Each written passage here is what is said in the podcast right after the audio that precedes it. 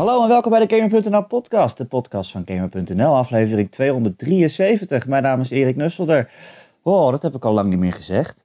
Uh, ja, er zijn natuurlijk heel veel mensen die ook denken, hè, is dat nou de stem van Erik? Wat doet hij hier nou? Die zit toch op, uh, in Nieuw-Zeeland? Ja, dat klopt ook. Daar ben ik nu nog steeds. En uh, wie weet voor hoe lang ook. Het hele land is in, in lockdown gegaan. Alles gaat dicht. Alle winkels zijn dicht, alleen de supermarkten en de, de apotheken zijn nog open. Um, en daardoor zitten wij hier eigenlijk ook een beetje vast. We hadden eerst een vlucht voor volgende week oorspronkelijk.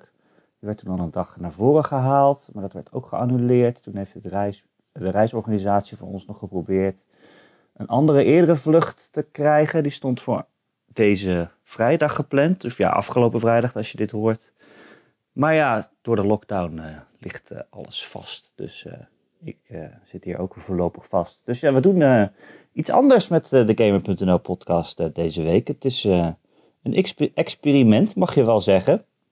Ron en ik nemen een, een gehele volwaardige podcast op door WhatsApp berichtjes, spraakberichten naar elkaar te sturen.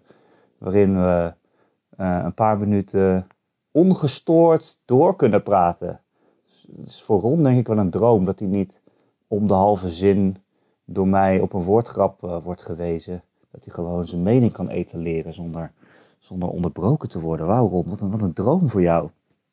Um, ja, het gaat, uh, ik weet niet precies hoe dit gaat werken. Het gaat misschien wel meerdere dagen duren voordat deze podcast af is. Het is een asynchrone podcast, kun je wel zeggen misschien ook wel uh, dat er gewoon allemaal nieuws gebeurt uh, tijdens dat we aan het opnemen zijn. Het is dus niet uh, real-time een uur wat er verloopt, maar het gaat misschien wel een week overheen. En misschien ben ik aan, aan het einde van deze podcast wel thuis. Dat weet je niet. Ik zit eigenlijk te wachten op, op berichten van onze mooie Nederlandse overheid dat ze misschien wel vliegtuigen hierheen sturen om ons op te halen, te repatriëren. ja, daar, daar zitten eigenlijk op te wachten. En verder zit ik hier in het midden van het noordereiland van Nieuw-Zeeland, in een heel klein dorpje, in een, uh, in een mooi huisje. Zitten we eigenlijk best wel ver van uh, plekken waar heel veel mensen zijn. Uh, we mogen ook gewoon nog naar buiten, heb ik begrepen. We kunnen gewoon gaan wandelen. Dat kwamen we hier toch al doen, dus dat komt goed uit. En ja, er wonen hier zo weinig mensen dat je echt je best moet doen als je bij iemand anders anderhalve meter in de buurt zou willen zijn. En dat mag dus niet, maar het is ook heel, zou heel moeilijk zijn om dat uh, te lukken. Uh, maar Ron, uh, jouw beurt. Hoe is het met jou? Is, in Nederland is het toch geen volledige lockdown volgens mij. Maar er zijn wel heel veel dingen dicht en jij moet ook binnen blijven. Maar ja, jij hebt wel een vitaal beroep natuurlijk, toch? Mag je gewoon werken en zo? Hey, hallo en welkom. Um, ja, ik weet niet wat er allemaal gebeurt terwijl ik dit opneem. Hoor ik allemaal harde knallen op straat? Hmm ik zou willen zeggen, dat is de Coco V die wild om zich heen grijpt in Brabant. Maar ik denk het niet. Ik denk dat dat gewoon mensen zijn die vuurwerk afsteken dat ze nog hebben liggen. Uh, ja, Erik, hoe is het met mij? Het gaat goed. Ik uh, begrijp dat het met jou dus redelijk goed gaat, ondanks de toch wel penibele situatie daar. Ik uh, wens jou en Lara veel succes. Dat is niet fijn. Dat gezegd hebbende, ik heb al een fles wijn achter de kiezen. Shout-out mezelf.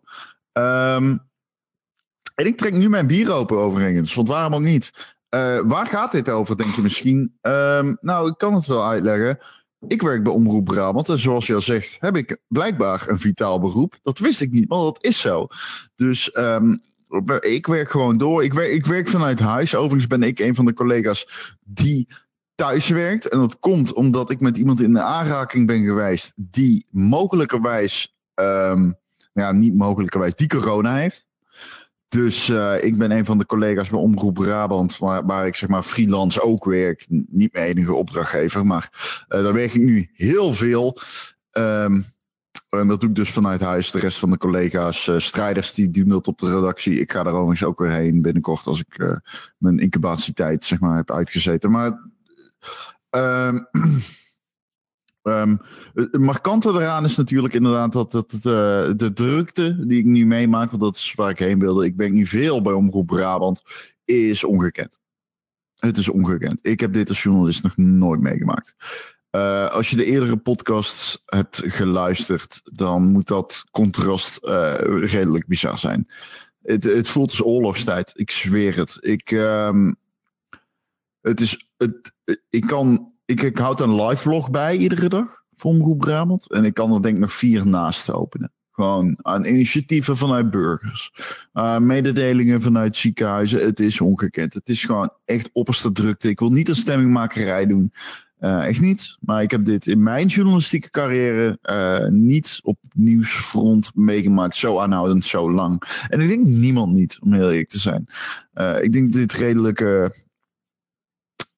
ja, redelijk nieuw is. Ehm, in, in, in grootte, in impact. En ik denk dat het nog nooit verspreidt over het hele spectrum aan beroepen, sociale functies. het raakt alle alle lagen van de samenleving. Het is echt het is heel bizar. Uh, ik ben blij dat ik kan uitpraten. Ik ben blij dat we lekker over spelletjes kunnen praten. Ik ben blij dat het ondanks alles toch goed met jullie gaan en dat, gaat. En dat jullie nog steeds daar kunnen lopen en dingen kunnen doen. Uh, en inderdaad, hier is geen volledige lockdown, Erik. Ik drink mijn bier, ik haal mijn wijn. Ik doe wat ik kan om het uh, staande te houden. Ik ga niet liegen, het is zwaar. Ik vind het heel zwaar. En dat komt vooral omdat ik de hele dag in aanraking ben met dat fucking kutvirus. Uh, niet letterlijk, want ik, ik heb mezelf in quarantaine geplaatst. Maar uh, het is overuren draaien. Dat gezegd hebbende, ik, ben, uh, ik doe het heel graag. Die, hier doe je het voor. Dat is ook al zo. Hè? We, we zijn er. good to be here. En aan de andere kant, we moeten ook niet, niet klagen. Ik zit hier tot de tanden toe bewapend in drip. Hè? Jordan om de voetjes, Amari om de kuiten. Supreme op de chest. Niks om rouwig om te blijven. Erik, hoe is het daar verder in Nieuw-Zeeland? En dan wil ik eigenlijk een bruggetje slaan naar jouw favoriete game van deze generatie. Dragon Quest 11. Do tell. Ah ja, laten we, het over, uh, laten we het over games hebben inderdaad. Het is toch een games podcast uiteindelijk en niet een, uh, een virus uh, podcast. wel je bent dus in aanraking gekomen met iemand die het virus heeft. Dat vind ik eigenlijk wel angstaanjagend. Maar ik ben blij dat je goed uh, veilig in quarantaine zit. Of quarantaine in jouw geval dan. Voordat je het coronavirus krijgt. Uh, ja, ja, we zitten hier alleen maar binnen. Dus ik heb godzijdank mijn Switch meegenomen. Dus daar kunnen we onszelf nog een beetje van maken. en zoals je weet, zoals ik vertelde voordat we op vakantie gingen, heb ik inderdaad Dragon Quest 11 gekocht om mezelf te vermaken. Ik dacht, weet je, we moeten echt 24 uur vliegen uh, heen en dan weer 24 uur terug. Uh, we zitten hier uh, in een heel mooi land, maar we hebben allemaal huisjes uh, ergens midden in de natuur. Dus als het daar s'avonds donker is, dan zie je ook echt gereed. En dan kan je ook niet meer buiten wandelen. Dus s'avonds moet je jezelf ook een beetje vermaken. Op een gegeven moment ben je misschien wel uitgepraat en uitgescrabbeld. Dus Lara heeft een, halve koffer vol boeken en ik heb een Switch. Um, en ik had Dragon Quest 11 gekocht. Ik dacht, nou, dat is een lekkere lange game. Daar kan je uh, fijn uh, lang mee doen. Daar doe je de hele vakantie over. Maar ik zat dat te spelen, Ron. Ik moet zeggen, ik vind het echt, ik vind het echt een kut game. Het is gewoon echt een kutspel. Maar ook gewoon niet dat je denkt, nou, ik vind het niet zo leuk, maar ik vind het gewoon echt abominabel slecht. Zelfs zover dat ik niet kan bedenken waarom iedereen het zo leuk vond. Want ja, de game kwam vorig jaar uit voor de Switch en volgens mij het jaar daarvoor voor de rest van de platformen. En toen kreeg het allemaal lovende recensies. En uh, oh, het is echt een hele goede klassieke JRPG en zo. En ja, dat is misschien wel zo, maar het doet het bij mij echt helemaal niks. Ik ben nooit echt een Dragon Quest speler geweest, zal ik er maar gelijk bij zetten. Volgens mij heb ik alleen acht een heel stuk gespeeld en verder uh, niks. Maar ik vind het, ik vind elf, ik vind het zo slecht geschreven gewoon. Ik vind het echt, het schrijfwerk slaat helemaal nergens op. Kijk, ik ben wel echt een Final Fantasy fan, hè. En misschien niet eens zozeer voor de verhalen, maar wel voor de werelden die daarin gecreëerd worden. En de, de, de memorabele personages die je tegenkomt. En ja, misschien is het ook niet altijd goed geschreven, maar het is wel iets dat je bijblijft, weet je. In 6 is het die geweldige slechterik. In 7 is het echt die, die beetje die steampunk wereld. En uh, het hele verhaal, ja, nou ja, het verhaal is eigenlijk zo ingewikkeld dat ik elk jaar opnieuw de Wikipedia-pagina lees om te bedenken hoe het ook alweer ging. Maar het is wel iets dat je bijblijft in ieder geval. En die emotionele scènes natuurlijk, uh, die iedereen kent. Uh, nou ja, ja, voor de rest van de delen geldt eigenlijk hetzelfde. het heeft in ieder geval wat. En deze game, Dragon Quest 11, het heeft echt helemaal niks. Het is zo'n standaard fantasy verhaaltje. Je bent een, een, een jongen en je, wordt, je woont in een dorp. En op een gegeven moment moet je een rite of passage doen. En dan ben je volwassen. En dan zegt je moeder: Ah, nu kan ik je eindelijk vertellen dat je niet gewoon zomaar een jongen bent. Maar dat je de chosen one bent. De luminary of zo. En dat je allemaal geheime krachten hebt. En nu moet je de wijde wereld in om de wereld te redden. Uh, succes. En oh, dan heb je ook nog eens je hoofdpersonage, die praat ook nog eens niet. Het is zo'n silent protagonist. Dus waar ik dan normaal zou zeggen, hè, hoezo, wat de fuck bedoel je, wat is een luminary, leg even uit. Ik ben helemaal ondersteboven. Uh, zegt die gast helemaal niks terug. Dus dan voelt het ook nog eens helemaal onecht. Ja, het voelt zo leeg allemaal. Ik weet niet hoor. Het is, misschien de turn-based combat is wel, is wel uh, te doen en wel speelbaar en wel interessant. Maar ook dat voelt echt heel erg leeg. Weet je, het beste voorbeeld dat ik daarvan kan geven is dat je tijdens die turn-based combat wel gewoon rond, rond kan lopen. Gewoon vrij uit rond kan lopen met je personage. Dus ik dacht, oké, weet je, hier kan je vast tactieken mee verzinnen. Dus ik ging rondlopen. Ik ging achter vijanden staan voordat ik ze ging slaan. Uh, ik ging proberen uit de weg te rennen als zij aanvielen. Misschien uh, dat je als je wat meer afstand hebt, dat je dan moeilijker geraakt kan worden. Maar toen kwam er in zo'n laadscherm kwam er een tip voorbij. En daarin stond, oké, je, je kan vrij rondrennen. Ja, het, het doet alleen niks. Het heeft letterlijk geen ene, geen ene effect op de gevechten waar je staat of wat je aan het doen bent. Ik bedoel, waarom kan het dan? Omdat het er leuk uitziet? Alsjeblieft zeg. Het is zo leeg en betekenisloos. En er zit geen enkel personage in waar ik een, een goed en warm gevoel bij heb. Dus waarom vinden mensen het dan goed? Ja, omdat het een JRPG is. Omdat het een aardig, maar heel erg klassiek en uitgekoud combat systeem heeft omdat het gewoon een heel erg traditionele JRPG is, zoals dat vroeger werd gemaakt. Uh, ja, maar dan mooier of zo. Het ziet er wel mooi uit, moet ik wel zeggen. Het is wel heel stilistisch en, en tekenfilmachtig. Maar ja, daar ga je mij niet een hele game lang mee boeien. Sorry, sorry dat ik het zeg. Um, ja, ik las in de Discord dat jij het wel aardig vond, Ron. Maar dat moet je me dan toch even uitleggen. En dan ben ik ook nog naar een ander ding benieuwd.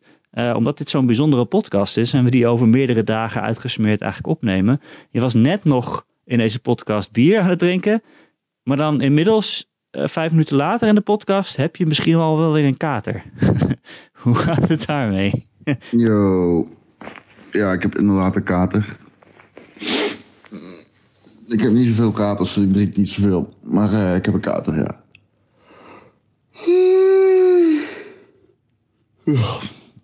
Ik moet eerlijk zeggen, ik ben een beetje uitgetuned toen, toen ik jouw mening over Dragon Quest 11 hoorde.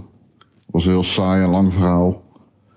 Um, interessant om te weten dat jij een JRPG kut vindt, maar in mijn achterhoofd zit gewoon nog altijd dat jij Final Fantasy 6 de beste game ooit gemaakt vindt. Dus hoe serieus kun je dat nou echt nemen, denk ik dan. Um, Oké.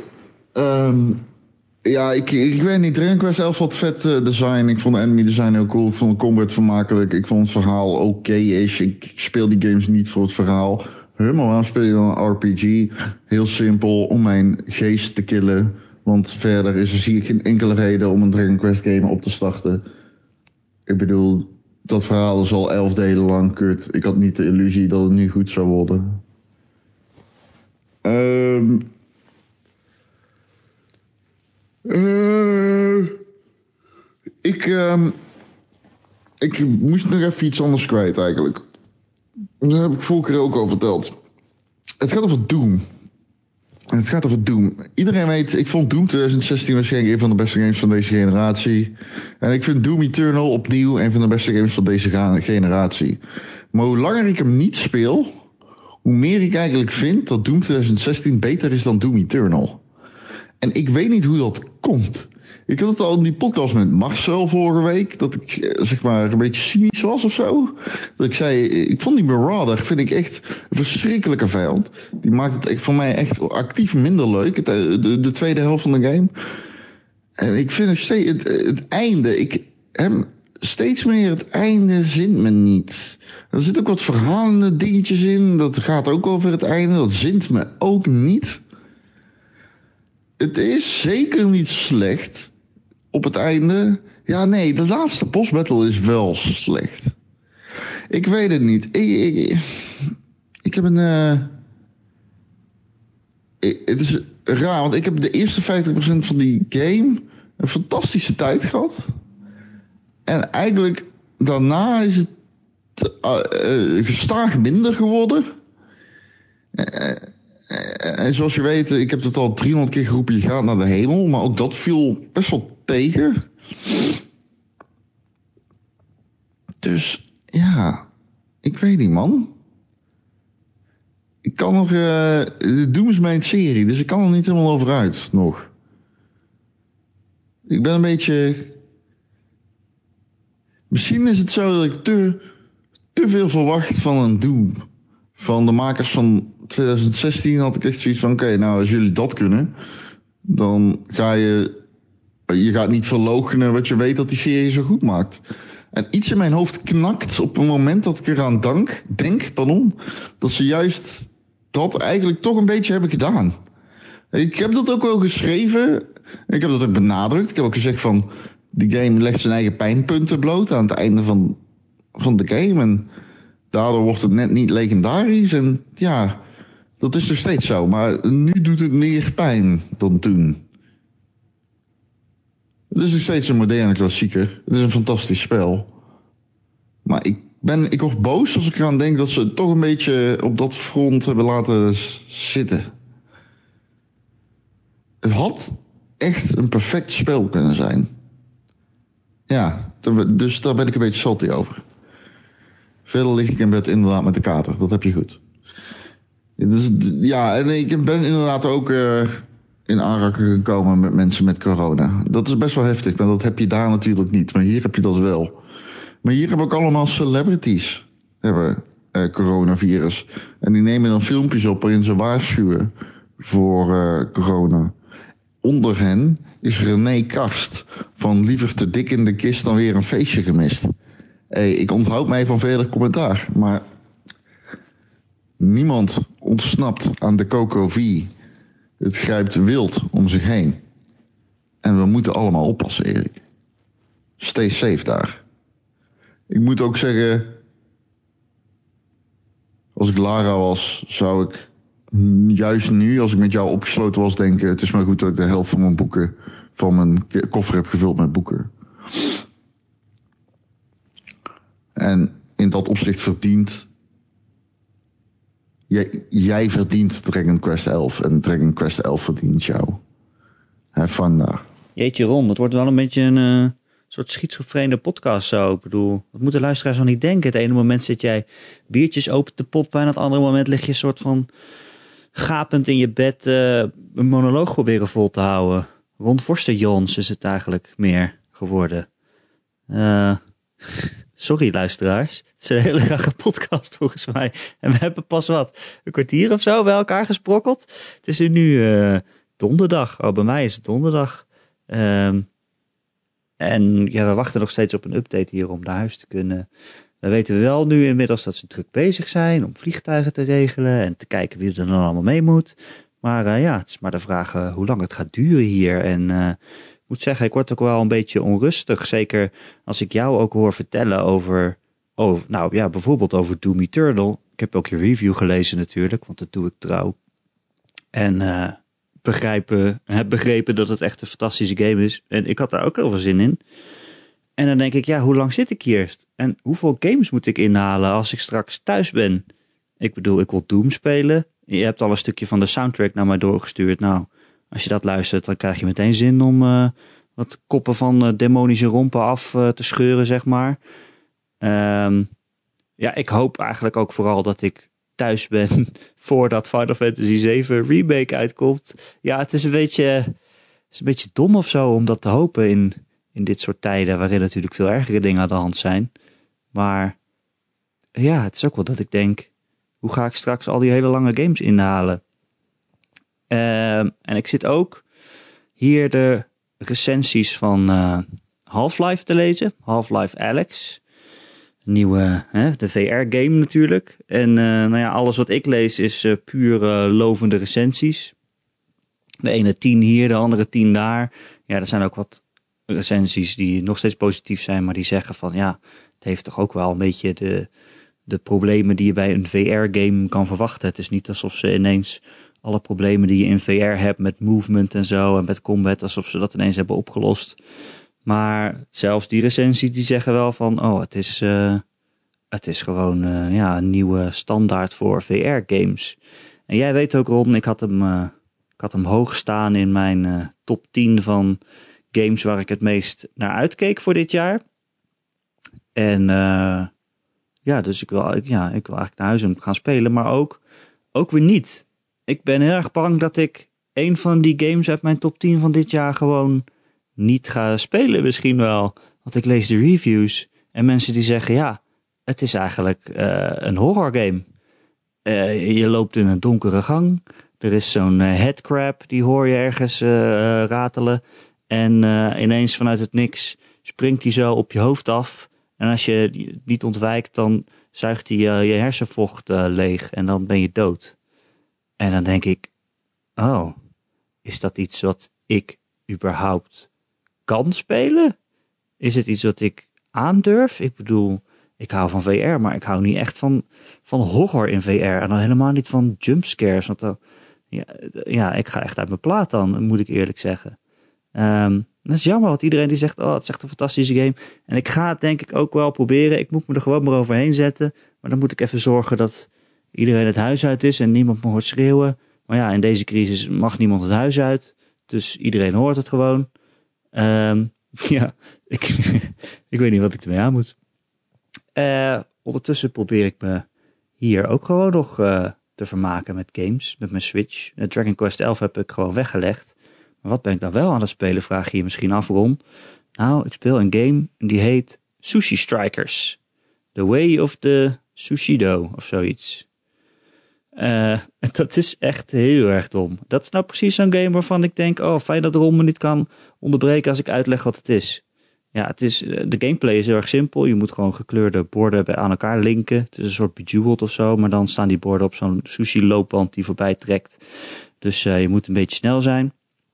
Maar het verhaal is zo fantastisch, Ron. Het verhaal is echt zo absurd, fantastisch, leuk. Het is allemaal in een, anime-stijl getekend. Het lijkt wel een, een, een aflevering van Pokémon. En het gaat over een wereld waarin er geen vis in de zee zit. Er zijn geen vissen. Het is een wereld zonder vissen. Maar er is wel sushi. Uh, hoe kan dat dan? Vraag je dan af. Nou, sushi wordt gemaakt door sushi sprites. Dat zijn een soort uh, geesten of ja, een soort van wollige beestjes. En die maken sushi. Uh, maar er is een kwaadaardige empire en die heeft alle sushi sprites voor zichzelf. En want die wil de sushi onthouden van, aan de bevolking en het allemaal voor zichzelf houden. Oh, dat is vervelend. En nu weet niemand hoe sushi smaakt. Behalve één dappere strijder. Dat ben jij. Je hebt ergens een sushi sprite gevonden. En dan kan je vechten tegen de empire. En hoe vecht je dan, vraag je dan natuurlijk af, Ron. Hoe vecht je met sushi? Nou, je eet de sushi van de borden op. De borden die je aan elkaar linkt. En omdat je dan zoveel sushi hebt gegeten, dan voel je je sterk en dan kan je de lege borden tegen het hoofd van je vijand gooien. Zo, dat is toch eens een vechtsysteem. Daar kan Dragon Quest 11 wel een puntje aan zuigen, denk ik. Ron, Forstemans. Um, Sushi Striker. Het is echt superleuk, behalve dat het niet eh, echt leuke gameplay is. Maar ik speel het alleen omdat ik het verhaal wil zien en omdat ik hier verder niks te doen heb. Oh, we hebben wel Netflix, hebben we net uitgevonden. We hebben, het is een hele oude tv. We kunnen wel Netflixen. Um, ja, Ron. Terug naar jou. Hey Erik, wat een heerlijke transitie aan het einde van jouw voice-appje. En wat fijn dat je geen vraag stelt, waardoor ik in het ongewisse achterblijf en vanuit niks een voice-appje minutenlang moet volpraten. Maar hey, ik ben een professional zoals je weet, dus hierbij. Ik wil allereerst even ingaan op. Um, nou, niet op die sushi game. Ik neem ook aan dat alle luisteraars de afgelopen twee minuten in slaap zijn gevallen. Maar we kunnen het wel even hebben over Half-Life Alex. Ja, die game lijkt inderdaad een horror game te zijn. Meer, als in meer dan de vorige Half-Life delen. Maar ik denk dat horror, juist horror, of in ieder geval die versie van immersie, wow, dat klonk goed inderdaad, dat die um, zeer goed overkomt in VR. Dat is een van de, ja, echt onderscheidende factoren van VR is het je letterlijk met de neus in de situatie drukken. Dus hoe confronterender die situatie, hoe meer impact uh, dat heeft. Anyway, ik uh, moet het even met je hebben over die game zelf. Ik heb hem niet gespeeld. Ik ben wel in de markt, zoals je weet, voor een VR-headset. Um, die overigens heel moeilijk te krijgen is. Uh, ik weet niet of het te maken heeft met de huidige Kijk, ik ben sowieso niet uh, in tune met de productieprocessen en de productielijnen van alle grote VR-headsets. Maar bijvoorbeeld, ik ben in de markt voor een Oculus Quest om Half-Life Alex te spelen uh, met Oculus uh, Touch controllers. En het is gewoon heel erg moeilijk om zo'n headset te kopen. En ik weet niet of dat te maken heeft met het feit dat ja, eigenlijk alle tech op dit moment ja, het productieproces daarvan te lijden heeft onder de coronacrisis. Um, maar er is gewoon moeilijk aan te kopen. En dat is wel een fikse tegenvaller. Ik ga die game niet deze maand kunnen spelen. Dat gezegd hebben, wil ik ook nog even aankaarten dat als ik. Want ik moet hem overigens nieuw kopen. Ik wil hem af kunnen trekken van de belasting.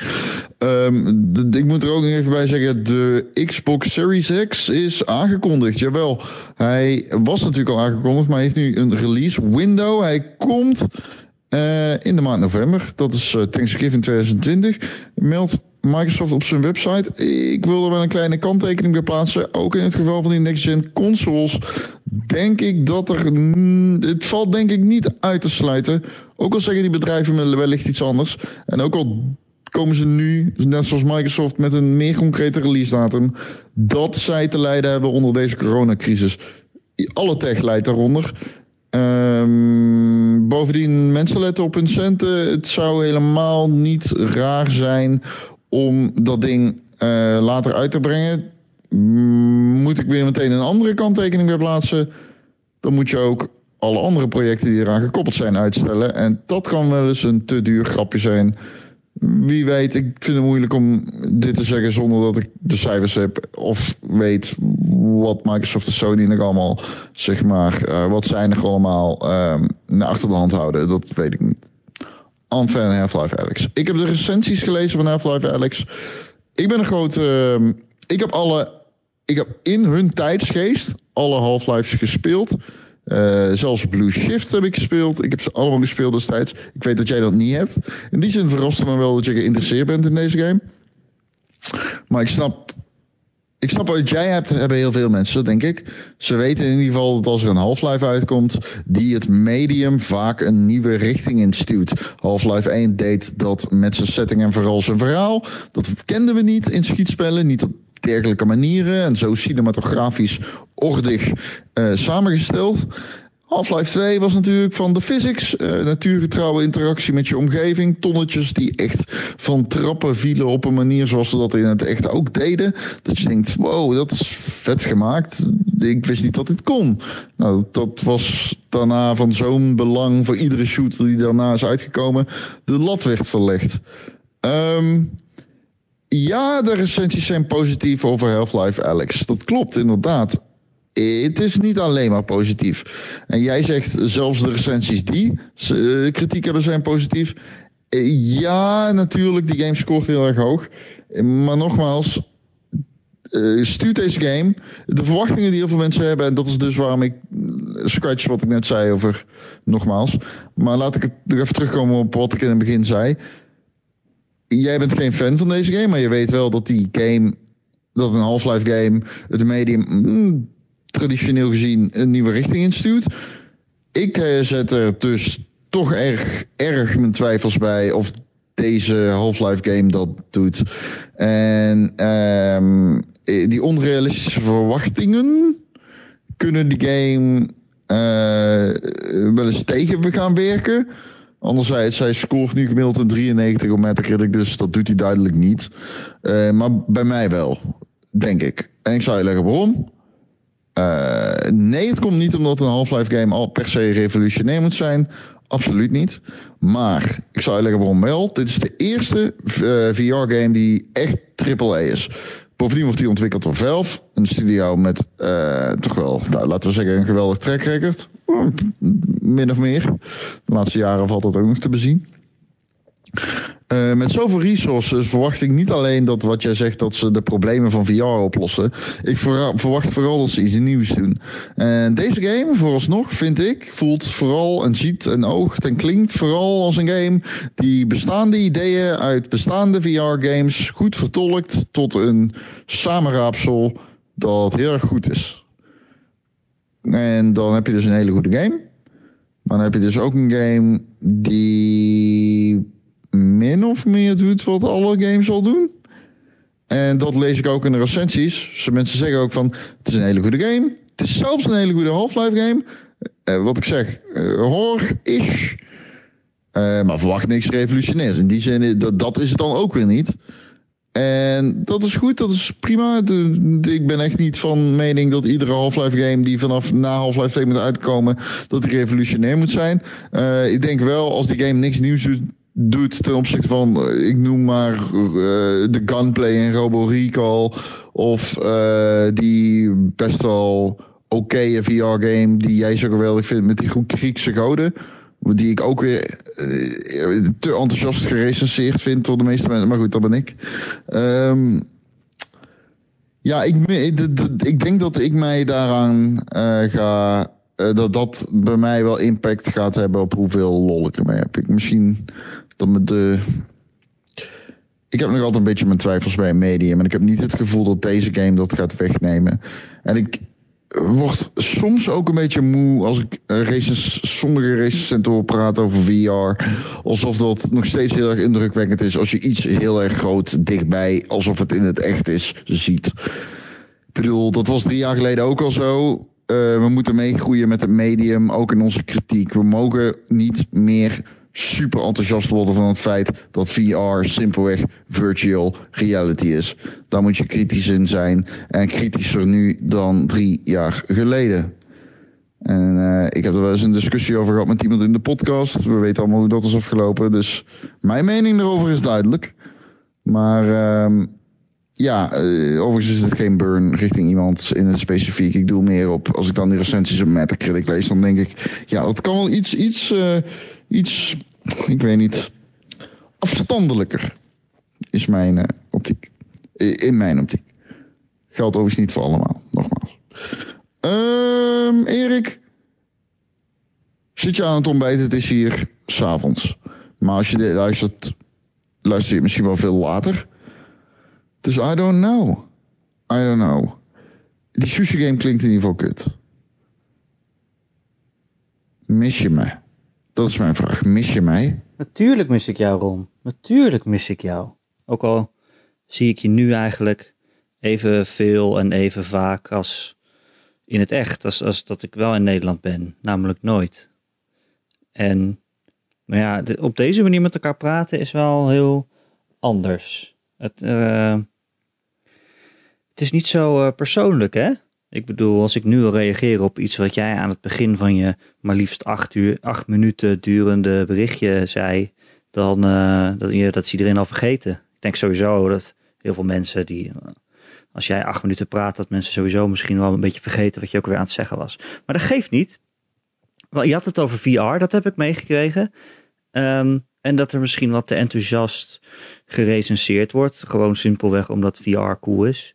Maar VR is ook cool. Maar dat betekent niet dat een game dan per se een hoog cijfer moet geven. En ik verwacht, ik verwacht ook niet.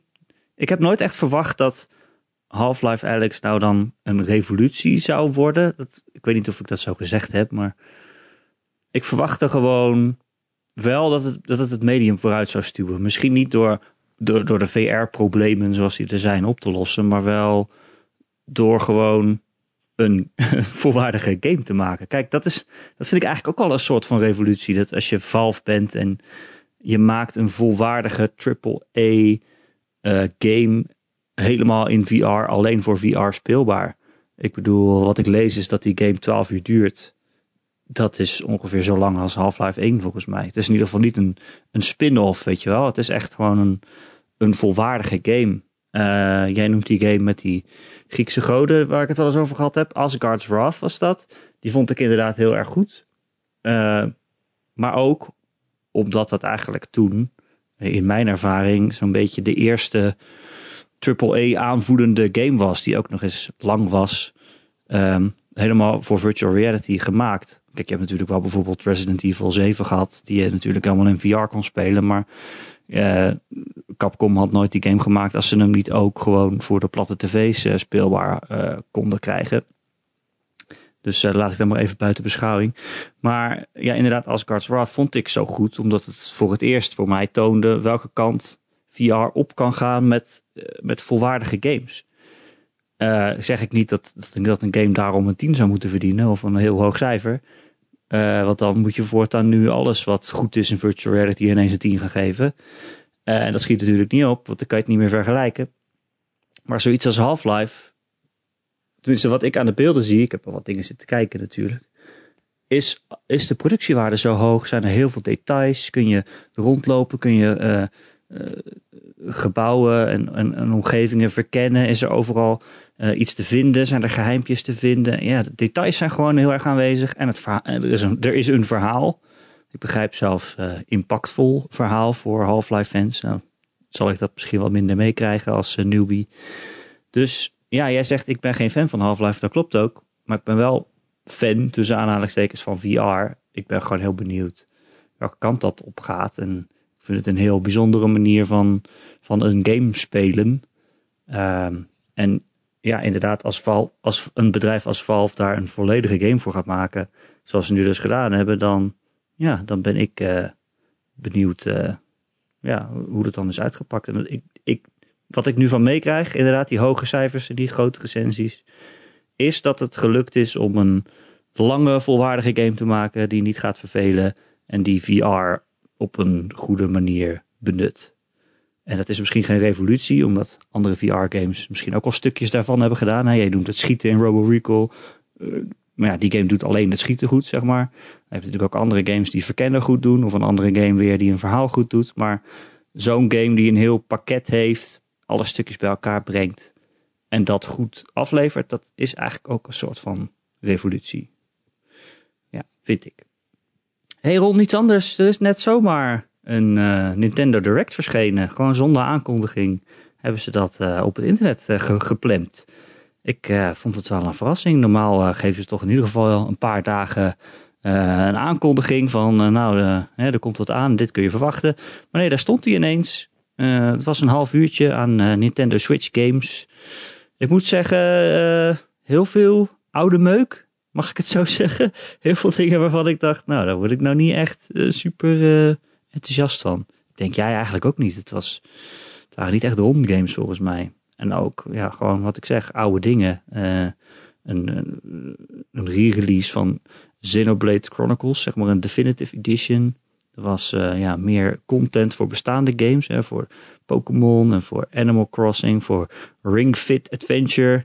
Um, voor ja, Super Smash Bros. zeggen ze van, oh, er komt een vechter uit ARMS als volgende. Nou ja, ik weet niet of mensen daar nou op zitten te wachten eigenlijk. Uh, en verder heel veel oude dingen en, en, en, remakes en remasters. 2K die brengt uh, Borderlands en Bioshock en XCOM naar de Switch. Ik dacht al gelijk, nou dat is dus zeker niet uh, Borderlands 3. Nee, die zat er ook niet tussen. Het was 1 en 2 volgens mij. Catherine Full Body komt ook naar de Switch. Is een hele leuke, maar heel erg vreemde game. En uh, ja, Burnout Paradise is misschien wel leuk om altijd bij je te hebben op zo'n draagbare Switch. Maar ook wel een paar nieuwe games. Ja, ik kon eigenlijk niet heel veel vinden, moet ik eerlijk zeggen. Eén game zag er heel grappig uit, dat heet uh, Good Job. Waarin je in een kantoor werkt en daar eh, kantoorklusjes moet oplossen. Maar dan blijkbaar dat op allerlei rare manieren kan doen. Dus je moet een projector in een kantoor zien te krijgen, liet ze zien. Dan kan je proberen tussen alle kantoormedewerkers uh, heen uh, te manoeuvreren. Je kan hem ook door de muur heen schieten en alle muren kapot maken. En ja, zo krijg je hem ook daar. Nou, hartstikke goed gedaan. Um, en ja, waar, ik het meest enthousiast van werd, was uh, Bravely Default 2. Wisten al natuurlijk wel dat die game eraan kwam. Is al heel lang aangekondigd. Maar uh, ze liet het nu veel beter zien. Een hele deep dive in hoe de combat systeem werkt. Volgens mij precies hetzelfde als in uh, Bravely Default 1, maar goed. Uh, ja, echt heel erg turn-based JRPG. Zoals Final Fantasy vroeger was, zeg maar. ook met waarschijnlijk een heel cliché verhaal als ik het zo hoor. Met kristallen en vier helden en die moeten dan de wereld redden. Maar ja, het zag er wel heel erg charmant uit. Ik bedoel, waar ik het bij Dragon Quest had over dat niks me aansprak en personages en de wereld me helemaal niks deden, vond ik dit er prachtig en sfeervol uitzien. Het is natuurlijk ook van de makers van Octopath Traveler, dus je ziet een beetje dat, dat tilt-shift uh, effect dat ze hebben om, om diepte te creëren in die wereld. Uh, bij Octopath was dat in een, natuurlijk in een pixelachtige wereld. Dit zag er meer schilderachtig uit. Um, dus ja, die game heb ik heel veel zin in. En er schijnt ook een demo uh, nu in de e-shop te zijn. Dus ik ga hem denk ik zo even downloaden en aanzetten.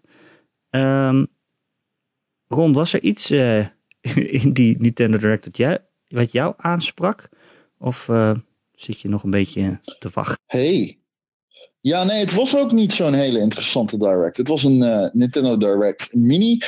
Um, er werd vooral aandacht besteed eigenlijk aan uh, de periode tot aan de E3 en op de korte termijn ook. Um, ze lanceerden zelfs meteen een game tijdens de Nintendo Direct. Um, ik heb die nog niet kunnen spelen, maar het is een soort van koddige werksimulator. het lijkt erop dat Nintendo veel nieuws bewaart voor uh, de periode van de E3, waarin eigenlijk uh, de aankondigingen plaats zouden moeten gaan vinden.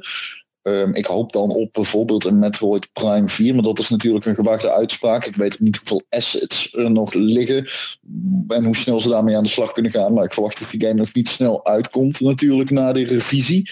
Uh, die werd uh, uh, aangekondigd destijds. Dus het is even afwachten. Ik wil wel nog even ingaan, heel kort, op A, virtual reality. jij zegt inderdaad van. Um, ja, deze game combineert al alles. Uh, en dat is AAA-game waardig. Daar wil ik wel even op zeggen. Dat is verdomme tijd ook. Hè. VR uh, bestaat inmiddels echt al bijna sinds begin jaren 10. Uh, het wordt ook wel eens tijd dat er een AAA-uitgever zoveel geld insteekt. Het is een make-or-break moment voor het medium. als deze game commercieel mislukt, betekent dat dat er nog op de korte termijn weinig uitgevers zullen zijn die durven te wedijveren met een investering van de grootte van Valve. Dat komt natuurlijk ook omdat Half-Life een grote licentie is. En als nou ja, die geen um, gretig aftrek vindt bij het grote publiek, dan zal er waarschijnlijk geen enkele game zijn die dat ook doet. Uh, of je moet echt gaan denken aan hypercommerciële projecten zoals, ik noem maar iets, Call of Duty of, uh, of Fortnite. Um, dat gezegd hebbende, uh, Half-Life is natuurlijk een geweldig IP uh, hiervoor. En uh, het wil ook wel wat zeggen dat ik in een headset ga investeren. Maar ik vind wel, we moeten het wel blijven beoordelen op basis van. Het is een game. Ja, natuurlijk, als het groot is en het ziet er groot uit. En, het, en je zit in de X-Wing en je ziet Darth Vader van dichtbij. Ja, dat is indrukwekkend in VR-games. Ik snap het. Ik heb het zelf ook zo ervaren. Maar we moeten daar uh, niet, niet te erg nog door verrast zijn. Het medium heeft ook uh, de tijd gekregen om volwassen te worden. Dat is het nu. Als het geen projecten krijgen die gretig aftrek vinden, dan is het medium op deze manier ook uh, natuurlijk gefaald. In die zin. Uh, niet dat het dat moment is aangebroken, dat zeg ik absoluut niet. Maar ik vind wel, we moeten iets kritischer zijn daarin. Dat is bijvoorbeeld inderdaad de kritiek die ik miste bij Asgard's Wrath. En um, ja, ook wel een beetje de kritiek die ik mis in sommige recensies. Dat mensen zeggen, ja, het is heel erg tof, maar we kennen het eigenlijk allemaal al. Maar dat maakt niet uit, want het is heel erg tof. Nee, helemaal mee eens. Half-Life hoeft niet revolutionair te zijn. Uh, maar ik wil dan wel horen waarom het heel erg tof is. En mensen komen dan toch vooral met het argument: ja, maar het is in virtual reality. En dan denk ik: ja, oké, dat is inderdaad een kracht van het medium. Maar ik hecht daar persoonlijk iets minder waarde aan. Als journalist dan. Als journalist ben ik ook professioneel geïnteresseerd in wat Half-Life Alex nieuw doet. Um, daarom wil ik een headset gaan kopen. Fixe investering. Mijn. Mijn probleem is alleen, die is heel moeilijk verkrijgbaar. Ik ik heb niet veel verstand van de productieprocessen of de productielijnen. Daar ben ik heel eerlijk in. Ik denk ook niet dat er veel mensen zijn die daar goed inzicht in hebben. Uh, ik weet dus ook niet of het met de coronacrisis te maken heeft. Dat is toch wel een terugkerend probleem hè? In, in het geval van veel tech. Um, op dit moment, uh, ik weet dus ook niet wat het gaat betekenen voor de next-gen consoles. Enfin, daar hebben we het wel eens over gehad. Um, maar er is heel moeilijk te komen aan die headset nu. Dus ja, dan moet je misschien toch eens gaan kijken. Hè, als je in, zeg maar, in dezelfde consumentengroep zit als ik, naar een andere headset. Zoals die misschien zoals misschien die, die, die headset van Valve, de Valve Index. Daar schijnt overigens de game ook het best mee te gaan werken. Dus uh, ja, ik zit in de markt. Uh, daarnaast dacht ik, ik, laat, uh, ik, ik wil graag nog even iets vertellen over een spelletje dat ik aan het spelen ben. Klein indie gamepje. Het heet uh, Wonderling. En het is met name grappig. Het is een poem. Ja, mijn keel is een beetje verpest. Ik hoop niet. nou ja, goed, ik wil niks zeggen natuurlijk. Maar een beetje los van mijn keel. um, ik, ja, het is een 2D-platformer zoals we die kennen. Alleen de twist is, je speelt de bad guy. En in het begin speel je een leveltje als gewoon de good guy, een soort van wortel. En ja, je springt op allerlei tegenstanders. Die tegenstanders lijken op aardappelen. En het is heel grappig. Op een gegeven moment dan uh, komt de echte bad guy tegen, zeg maar de, de opper bad guy, die, komt dan uh, in beeld en zegt van oké, nou ik heb een idee, we sturen een van onze minions er op hem af. En dan speel jij zo'n minion, dan speel je letterlijk zo'n tegenstander op wie getrapt en gesprongen werd door de good guy. Uh, verder, qua gameplay is het op zich ook wel uniek. Omdat je als kleine minion, net zoals in Mario, kun je alleen links en rechts. Je gaat alleen naar links en naar rechts. Letterlijk, als ik in die game tegen een obstakel aanloop, dan loopt hij, als hij van links kwam, loopt hij tegen het obstakel, dan loopt hij meteen rechts terug. Totdat hij weer ergens anders tegen aanbotst. En dan loopt hij weer meteen over, uh, loopt hij weer meteen de tegenovergestelde richtingen. Dus je speelt eigenlijk gewoon een Goomba. Uh, maar je hebt wel één optie, je kunt springen. En zo kun je dus platformen. Dus je kunt niet richting aangeven, maar je kan alleen springen. En die game doet daar wel wat clevere dingen mee. Ik weet nog niet hoe leuk ik het vind. Ik heb, denk ik, nou, twintig leveltjes gedaan. Ik heb een boss battle gehad, waarin ik uh, de good guy versloeg als... Ik was de boss, zeg maar, tegen de uh, good guy. En uh, ik heb hem ja, uh, flink te pakken genomen. En hij had, daarna, hij had daarna nog maar één leven left. Um, ik denk niet dat de game heel lang is. Ik denk ook niet dat het verder heel veel voorstelt. In uh, zeg maar art direction uh, gedeelte en zo. Daar moet je niet te veel van verwachten. Maar ik, ik vind het toch wel aardig leuk geschreven. Ik vind ook het idee is heel uniek. Dus het bevalt me wel. Misschien, hè, dan laat schuif ik Half-Life Alex wel even aan de kant uh, om hier nog wat tijd in te steken. Verder ben ik nog steeds bezig met Call of Duty. Daar vermaak ik me echt heel erg goed mee. Ik vind dat echt uh, een geweldige Battle Royale modus. Dat had ik eigenlijk niet zozeer verwacht.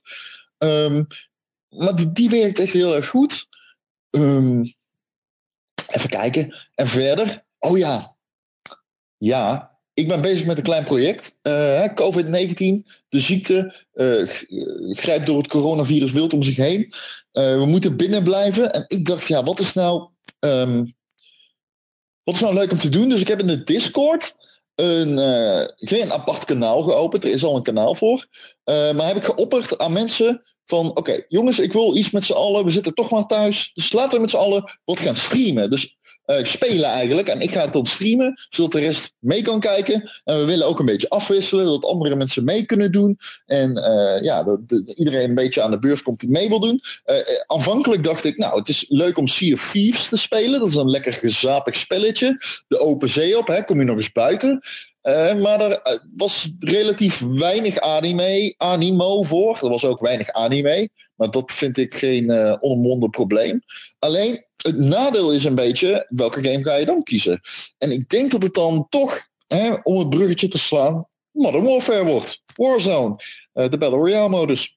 Die kan namelijk iedereen downloaden en die is cross-platform. En dat werkt heel goed, want je kunt ook gewoon samen praten. Dat werkt vanaf uh, ieder platform. Het is niet uit op de Switch, dat moet ik er wel bij zeggen. Maar PC, Xbox en P uh, PlayStation werkt uh, uitstekend samen.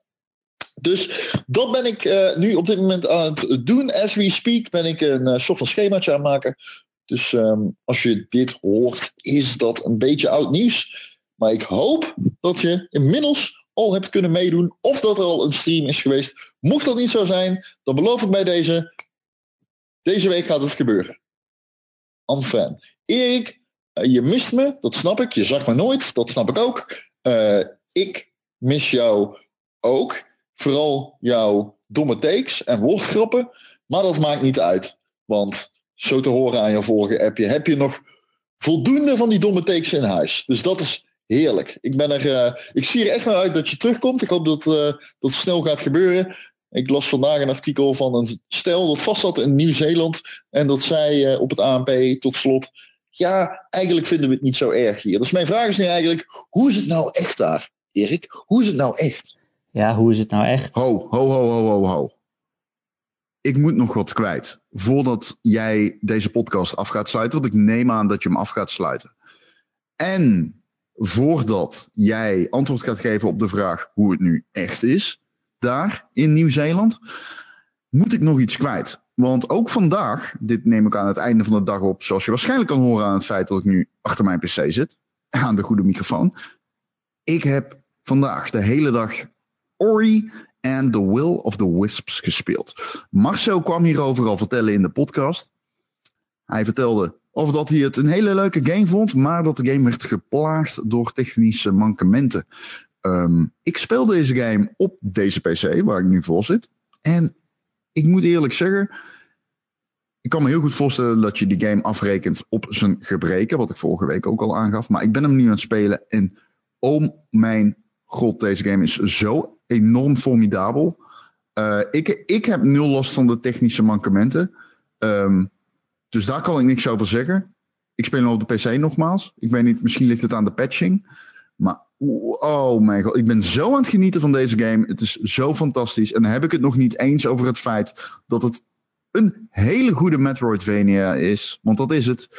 Ik ga met liefde terug om te backtracken en andere gebieden te verkennen. Iets wat ik zelden doe in het medium videogames. En waar ik eigenlijk ook best wel een hekel aan heb om te backtracken. Maar ik doe het hier graag.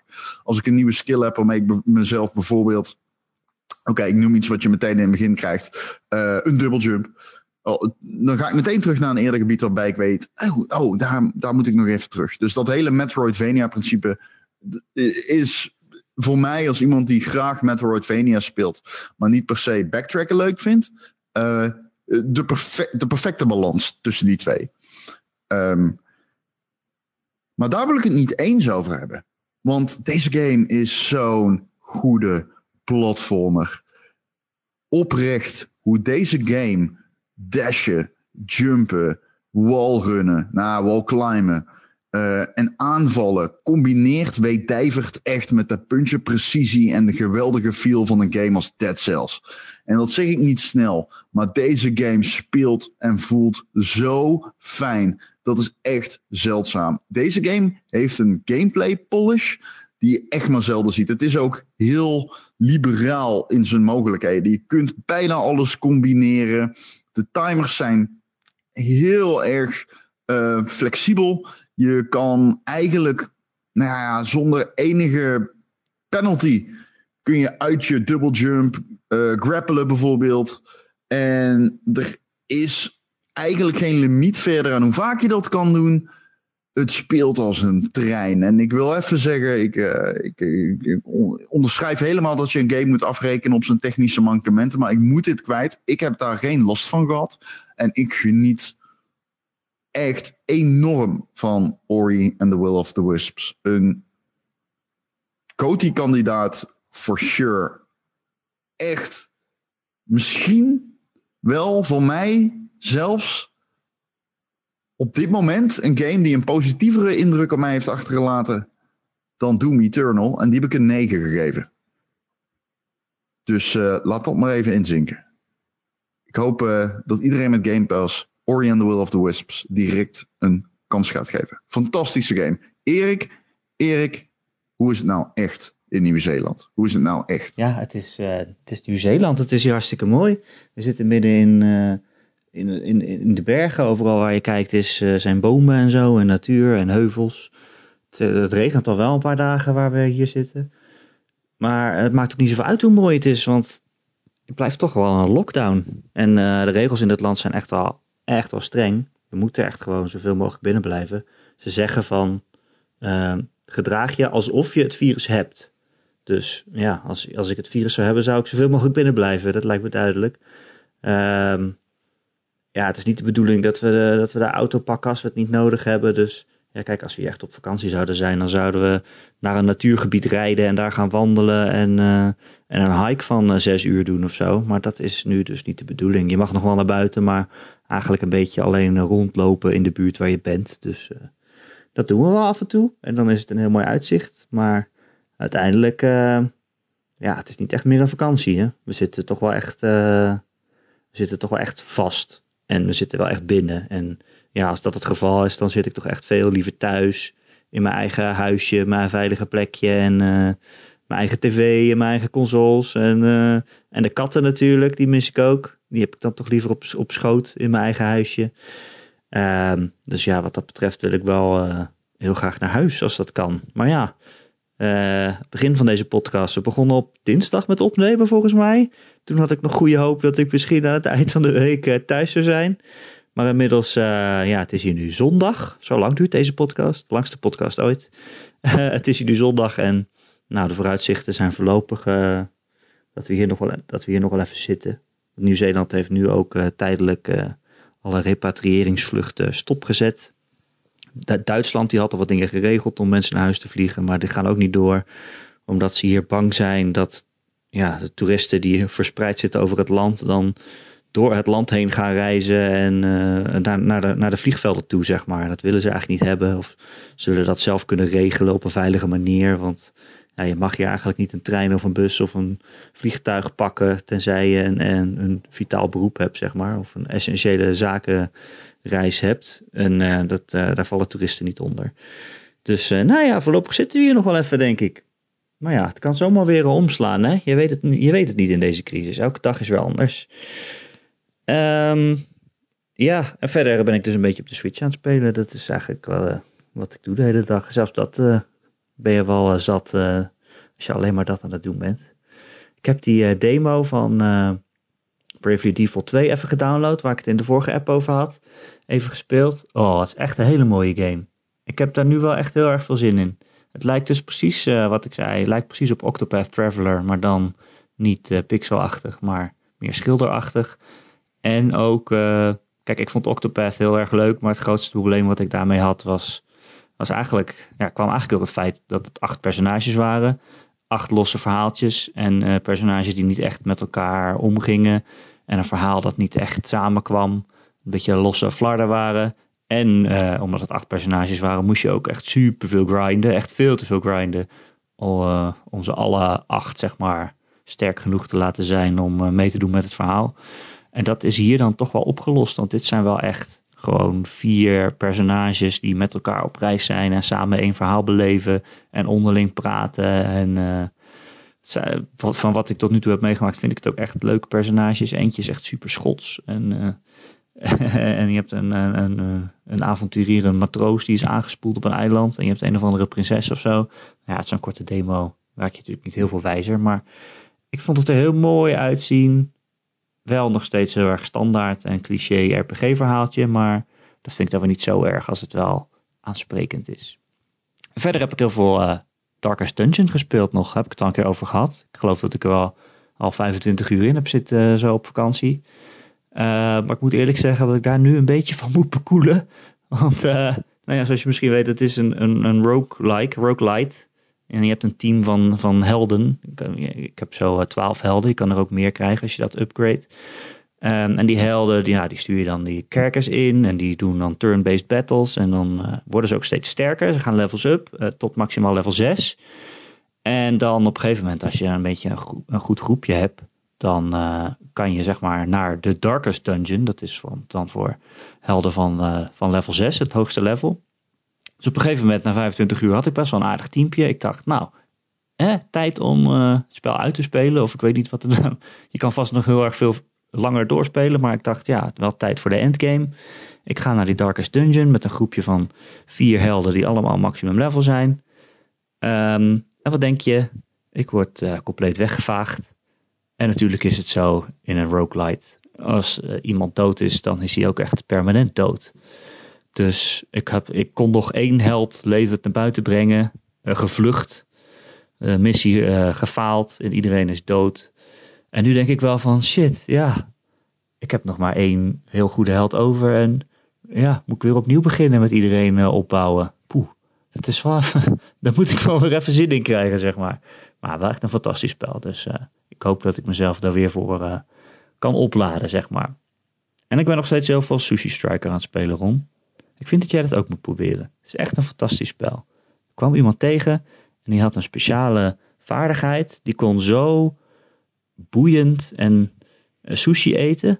Eh, en die kon het zo straalde er vanaf dat hij daar echt van aan het genieten was. En dat is zo betoverend dat, dat je dan niet meer kan bewegen. Dat je tegenstander zeg maar uh, vast komt te zitten en gewoon niks meer kan. Omdat het zo betoverend is hoe iemand sushi eet. Zo. Weet je wat ook uh, betoverend mooi is, Ron? De Gamer.nl podcast, de podcast van Gamer.nl. Elke maandag te downloaden via onze website Gamer.nl, waar je ook reviews en previews en nieuws en interviews en columns kunt lezen. Uh, als je dat allemaal niet wil, of als je het gewoon makkelijk voor jezelf wil maken, dan kun je je ook gewoon abonneren op deze podcast via alle reguliere podcast apps en feeds. En als je dat ergens doet waar je ook een recensie achter kan laten, zouden wij het heel fijn vinden als je dat ook een keer wil doen. Um, verder is de podcast natuurlijk gratis, dus dat is dan het enige wat we vragen, want dan zijn we weer beter vindbaar voor nieuwe luisteraars. En je weet, hoe meer zielen, hoe meer vreugd. Als je maar thuis blijft. Blijf thuis, als het kan. Blijf veilig in deze crisistijden. En uh, ja, ga maar gewoon lekker gamen, denk ik dan. Hè? Dat is, uh, je moet jezelf een beetje vermaken. Uh, heb je meer vermaak nodig, dan kun je ook abonneren op onze Patreon. Of abonneren, ja, je kan ons steunen, moet ik eigenlijk zeggen. Voor een kleine bedrag per maand krijg je dan zeker twee extra podcasts in de maand. Ik weet nog niet zo goed hoe we dat gaan doen, hoor. Als ik niet op tijd thuis ben voor de Ronde en Erik podcast. Misschien moeten we het weer op deze manier doen. Of uh, ik heb inmiddels ook Skype werkend gekregen. Misschien kunnen we daar iets mee. Ik kan alleen niet opnemen dan, maar nou, we kunnen het, uh, we kunnen iets proberen. Dat het toch wel live is. Want dit was een leuk experiment. Maar uh, ik weet niet of het houdbaar is voor, voor week, om wekenlang vol te houden. Het was misschien wel de eerste asynchrone podcast ter wereld die aan weerszijden van de aardbol is opgenomen. Denk je niet? Misschien moeten we het Guinness Book of Records bellen.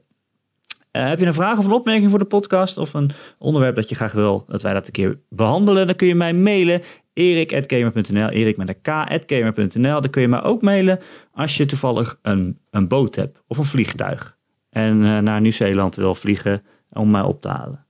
Uh, de mails staan open mensen. Ja, je weet het maar niet. Hè? Kan net een of andere rijke biljonair elke week de Gamer.nl podcast luisteren die denkt, goh, ik wou net naar Nieuw-Zeeland vliegen met een helikopter. Uh, kan ik net zo goed Erik meenemen? Ja, precies. Um, uh, heb je dat nog niet gedaan? Kom dan gezellig in onze Discord-kanaal. Ron had het er net ook al over. Dan kun je ook nog samen streamen met Ron. Ik doe denk ik niet mee, tenzij hij een Switch-game gaat streamen. Maar ik weet niet hoe dat moet. Um, maar in dat Discord-kanaal zitten zo'n 250 luisteraars. En ik weet dat we nog meer luisteraars hebben dan dat. Nog veel meer. Die zitten allemaal nog niet in de Discord. Ja, het kan zijn dat je er geen zin in hebt. Dat hoeft ook niet, ik ga je niet dwingen, maar het is wel gezellig. Um, het is gewoon een soort chatkanaal waar mensen met elkaar praten. Vanuit Nieuw-Zeeland zeg ik, nou ja, tot uh, volgende week. Ik weet niet of ik er dan weer ben of dat Ron een, uh, een gast verzorgt. En Ron, jij ook bedankt voor deze speciale, bijzondere podcast. En nu mag jij nog... En toen hield Erik's voice appje uit het niks op. En is het aan mij om er een eind aan te breien. Volgens mij wilde hij zeggen dat ik nog mocht zeggen: nee, jij bedankt en doei. Dus bij deze: nee, jij bedankt. Doei.